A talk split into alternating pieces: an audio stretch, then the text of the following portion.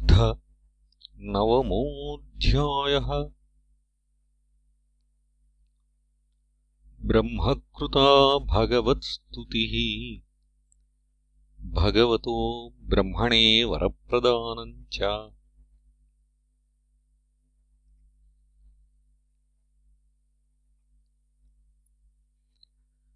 ब्रह्मोवाच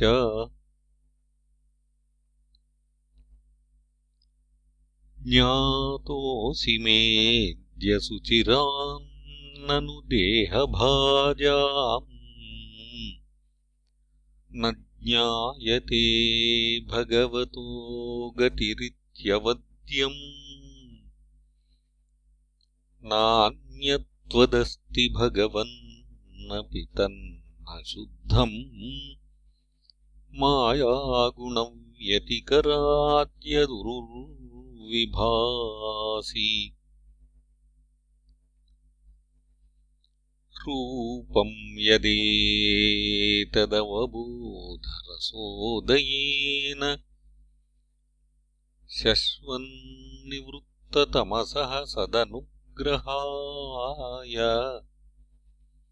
आदौ गृहीतमवतारशतैकबीजम् यन्नाभिपद्मभवनादहमाविरासम्।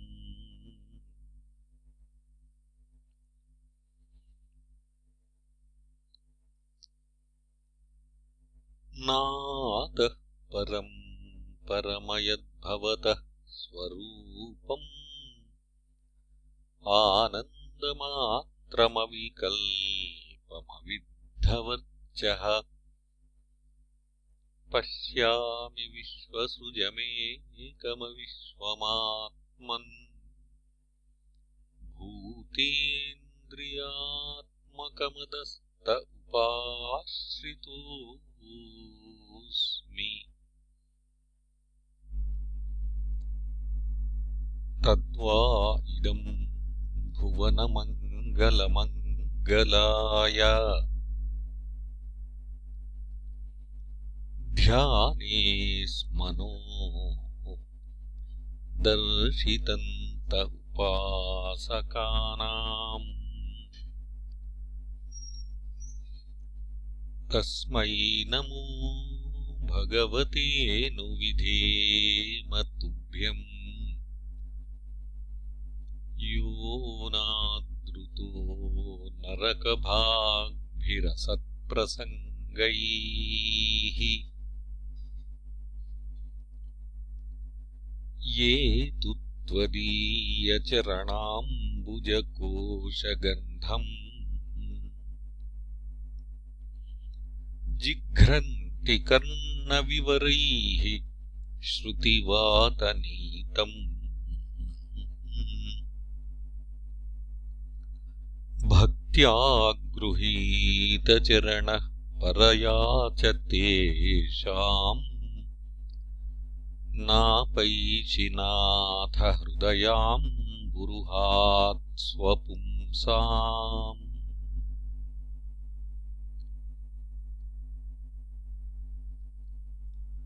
तावद्भयम् द्रविणगेहसुहृन्निमित्तम्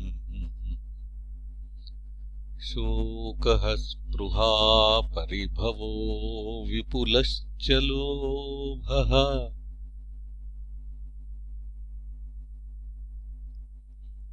तावन्ममेत्यसदवग्रह आर्तिमूलम् यावन्नतेऽघ्रिमभयम् प्रवृणीतलोकः। दैवेन ते हतधियो भवतः प्रसङ्गात् सर्वाशुभोपशमनाद्विमुखेन्द्रिया ये कुर्वन्ति कामसुखलेशलवाय दीना लोभाभिभूतमनसो कुशलानि शश्वत् क्षुत्रुत्रिधातुभिरिमामुहुरद्यमानाः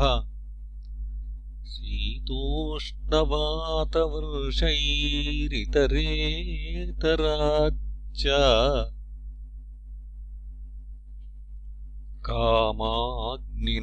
कामाग्निनाच्युतरुषा च सुदुर्भरेण सम्पश्यतो मन उरुक्रमसीदते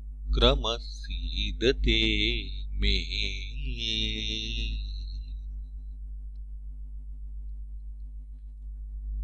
यावत्पृथक्त्वमिदमात्मन इन्द्रियार्थमायाबलम् भगवतो जन ईश पश्येत् तावन्न संश्रुतिरसौ प्रतिसङ्क्रमेत व्यर्थापि दुःखनिवहम्। वहति क्रियार्था।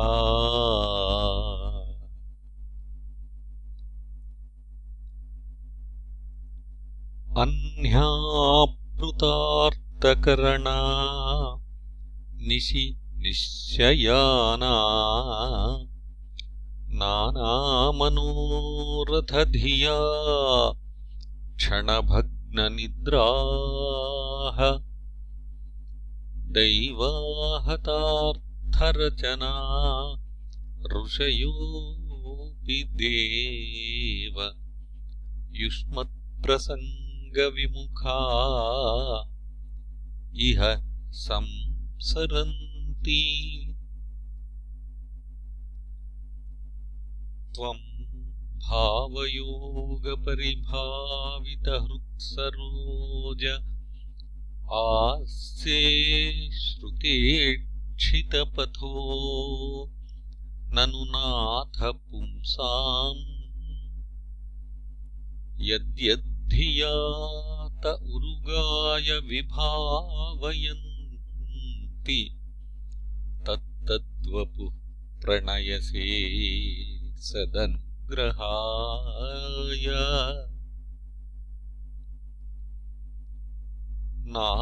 नातिप्रसीदति तथोपचितोपचारैः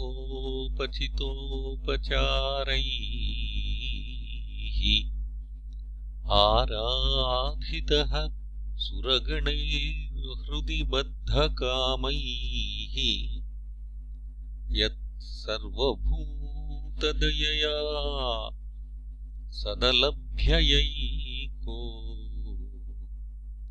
नानाजनेष्ववहितः सुहृदन्तरात्मा।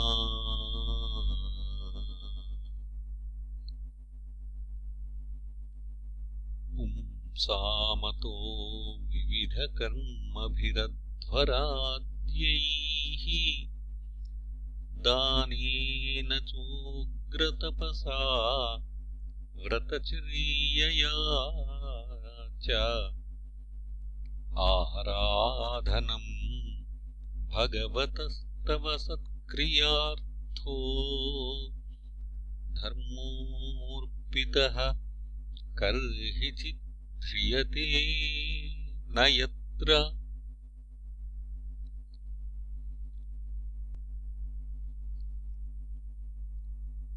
शश्वत्स्वरूपमहसैव निपीतभेदमोहाय बोधधिषणाय नमः परस्मै।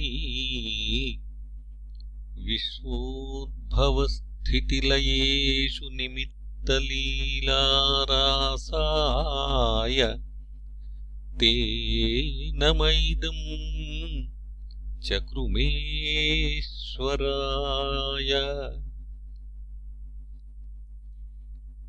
यस्यावतारगुणकर्मविडम्बनानि नामानि सुविगमे विवशागृणन्ति तेनेकजन्मशमलम् सहसैव हित्वा संयान्त्यपावृतमृतम् तमजम् प्रपद्ये।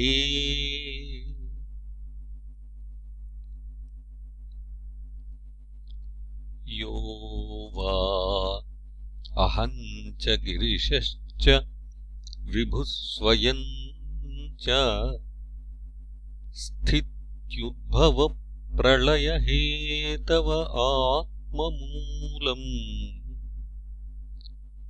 भित्त्वा उरुप्ररोहः। तस्मै नमो भगवते। भुवनद्रुमाय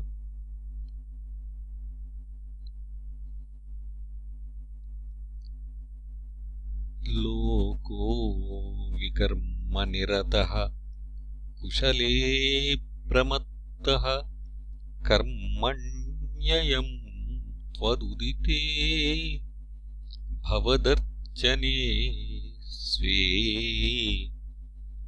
यस्तावदस्य बलवानिह जीविताशाम् सद्यश्चिनत्यनिमिषाय नमोऽस्तु तस्मै।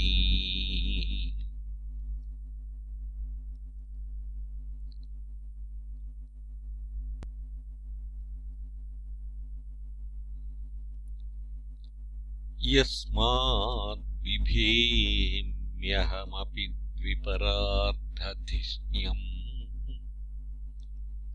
अध्यासितः सकललोकनमस्कृतम् यत् तेपे तपो बहुसवोवरुरुत्समानः तस्मै नमो भगवते धिमखाय तुभ्यम्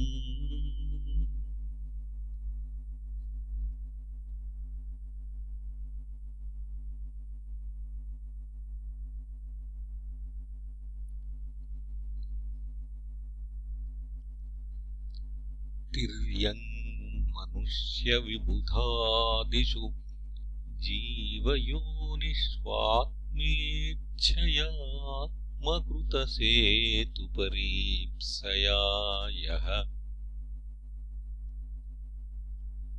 रेमे निरस्तरतिरप्यवरुद्धदेहः तस्मै नमो भगवते पुरुषोत्तमाय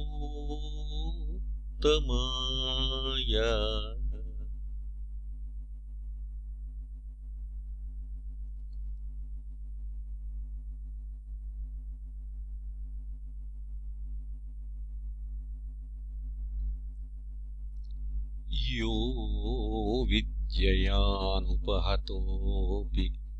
दशार्धवृत्त्या निद्रामुवाह जठरीकृतलोकयात्रः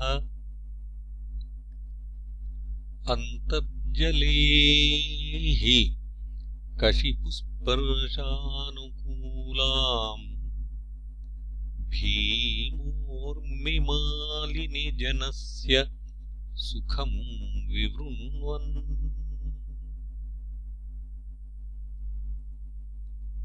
यन्नाभिपद्मभवनादहमासमीड्य लोकत्रयोपकरणो यदनुग्रहेण तस्मै नमस्त उदरस्थभवाय योगनिद्रावसानविकसन्नलिने क्षणाय सोऽयम् समस्तजगताम् सुहृदेकात्मा। यन्मृडयते भगवान् भगेन। तेनैव मे दृशमनुस्पृशताद्यथाहम् स्रक्ष्यामि पूर्ववदिदम् प्रणतप्रियोऽसौ। एष प्रपन्नवरदो रमयात्मशक्त्या यद्यत्करिष्यति गृहीतगुणावतारः। तस्मिन् स्वविक्रममिदम् सृजतोऽपि चेतो युञ्जीत कर्मशमलम् च यथा विजह्याम्।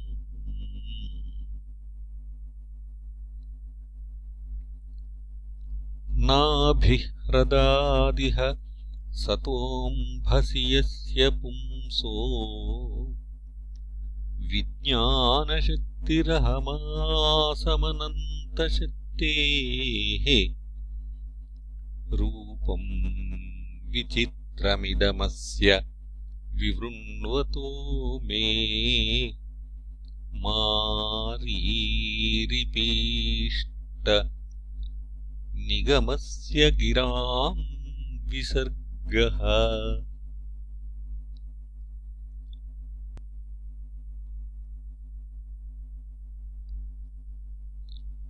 सोऽसावदभ्रकरुणो भगवान् विवृद्धप्रेमस्मितेन नयनाम्बुरुहम् विजृम्भन्। उत्थाय विश्वविजयाय च नो विषादम्। माध्व्या गिरापनयतात्पुरुषः पुराणः। मैत्रेय उवाच स्वसम्भवम् निशाम्यैवम् तपो विद्यासमाधिभिः यावन्मनोवचः स्तुत्वा विरराम खिन्नवत् अथाभिप्रेतमन्वीक्ष्य ब्रह्मणो मधुसूदनः। विषण्णचेतसम् तेन कल्पव्यतिकराम्भसा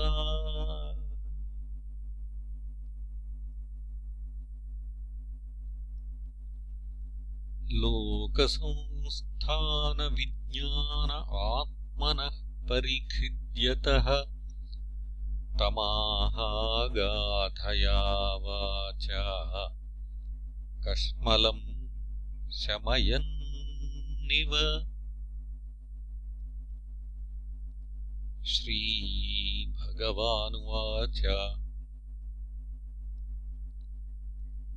मा वेदगर्भगास्तन्द्रीम् सर्ग उद्यममावह तन्मयापादितम् ह्यग्रे यन्माम् प्रार्थयते भवान्।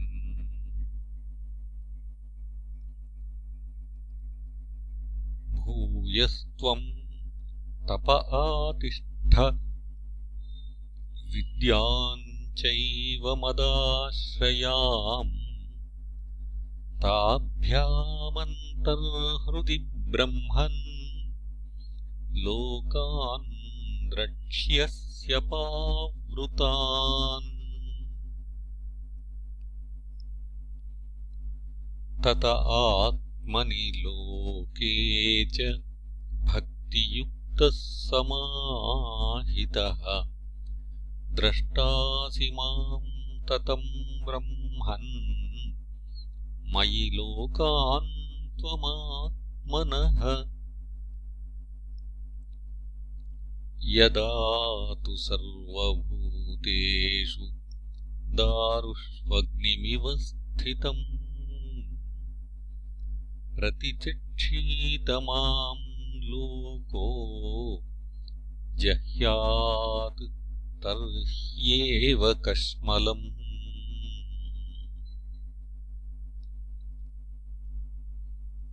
यदा रहितमात्मानम् भूतेन्द्रियगुणाशयैः स्वरूपेण मयोपेतम् पश्यन् स्वाराज्यमृच्छति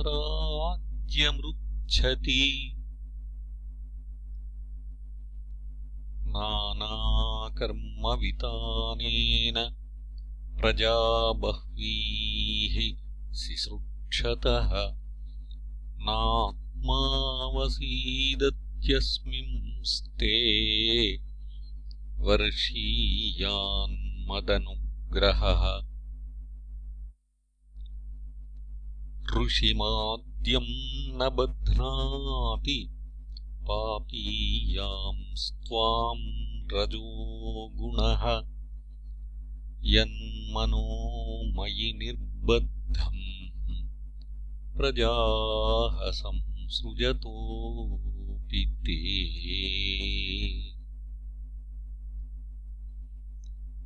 ज्ञातोऽहम् भवता त्वद्य दुर्विज्ञेयोऽपि देहिनाम् यन्माम् त्वम् मन्यसे युक्तम् भूतेन्द्रियगुणात्मभिः। तुभ्यम् मद्विचिकित्सायामात्मा मे दर्शितो बहिः नालेन सलिले मूलम् पुष्करस्य विचिन्वतः। यच्चकर्थाङ्गमत्स्तोत्रम् मत्कथाभ्युदयाङ्कितम्। यद्वा तपसि ते निष्ठा स एष मदनुग्रहः प्रीतोऽहमस्तु भद्रम् ते। लोकानाम् विजयेच्छया। यदस्तौषीर्गुणमयम् निर्गुणम् मानुवर्णयन्। य एतेन पुमान्नित्यम् स्तुत्वा स्तोत्रेण माम् भजेत्। तस्याशु सम्प्रसीदेयम् सर्वकामवरेश्वरः। पूर्तेन तपसा यज्ञैर्दानैर्योगसमाधिना राद्धम् निःश्रेयसम् पुंसाम् मत्प्रीतिस्तत्त्वविन्मतम्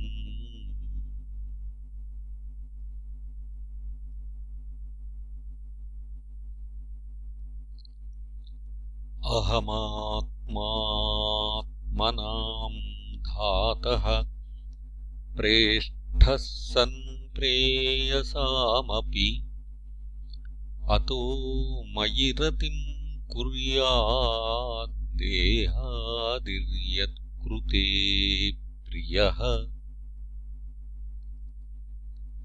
सर्ववेदमयेनेदमात्मना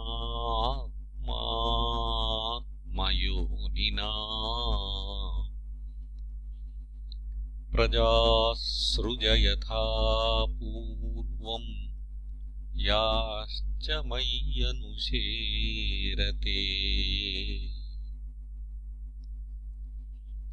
मैत्रेय उवाच तस्मा एवम् जगत्स्रष्ट्रे प्रधानपुरुषेश्वरः स्वेन रूपेण कञ्जनाभस्तिरोदधे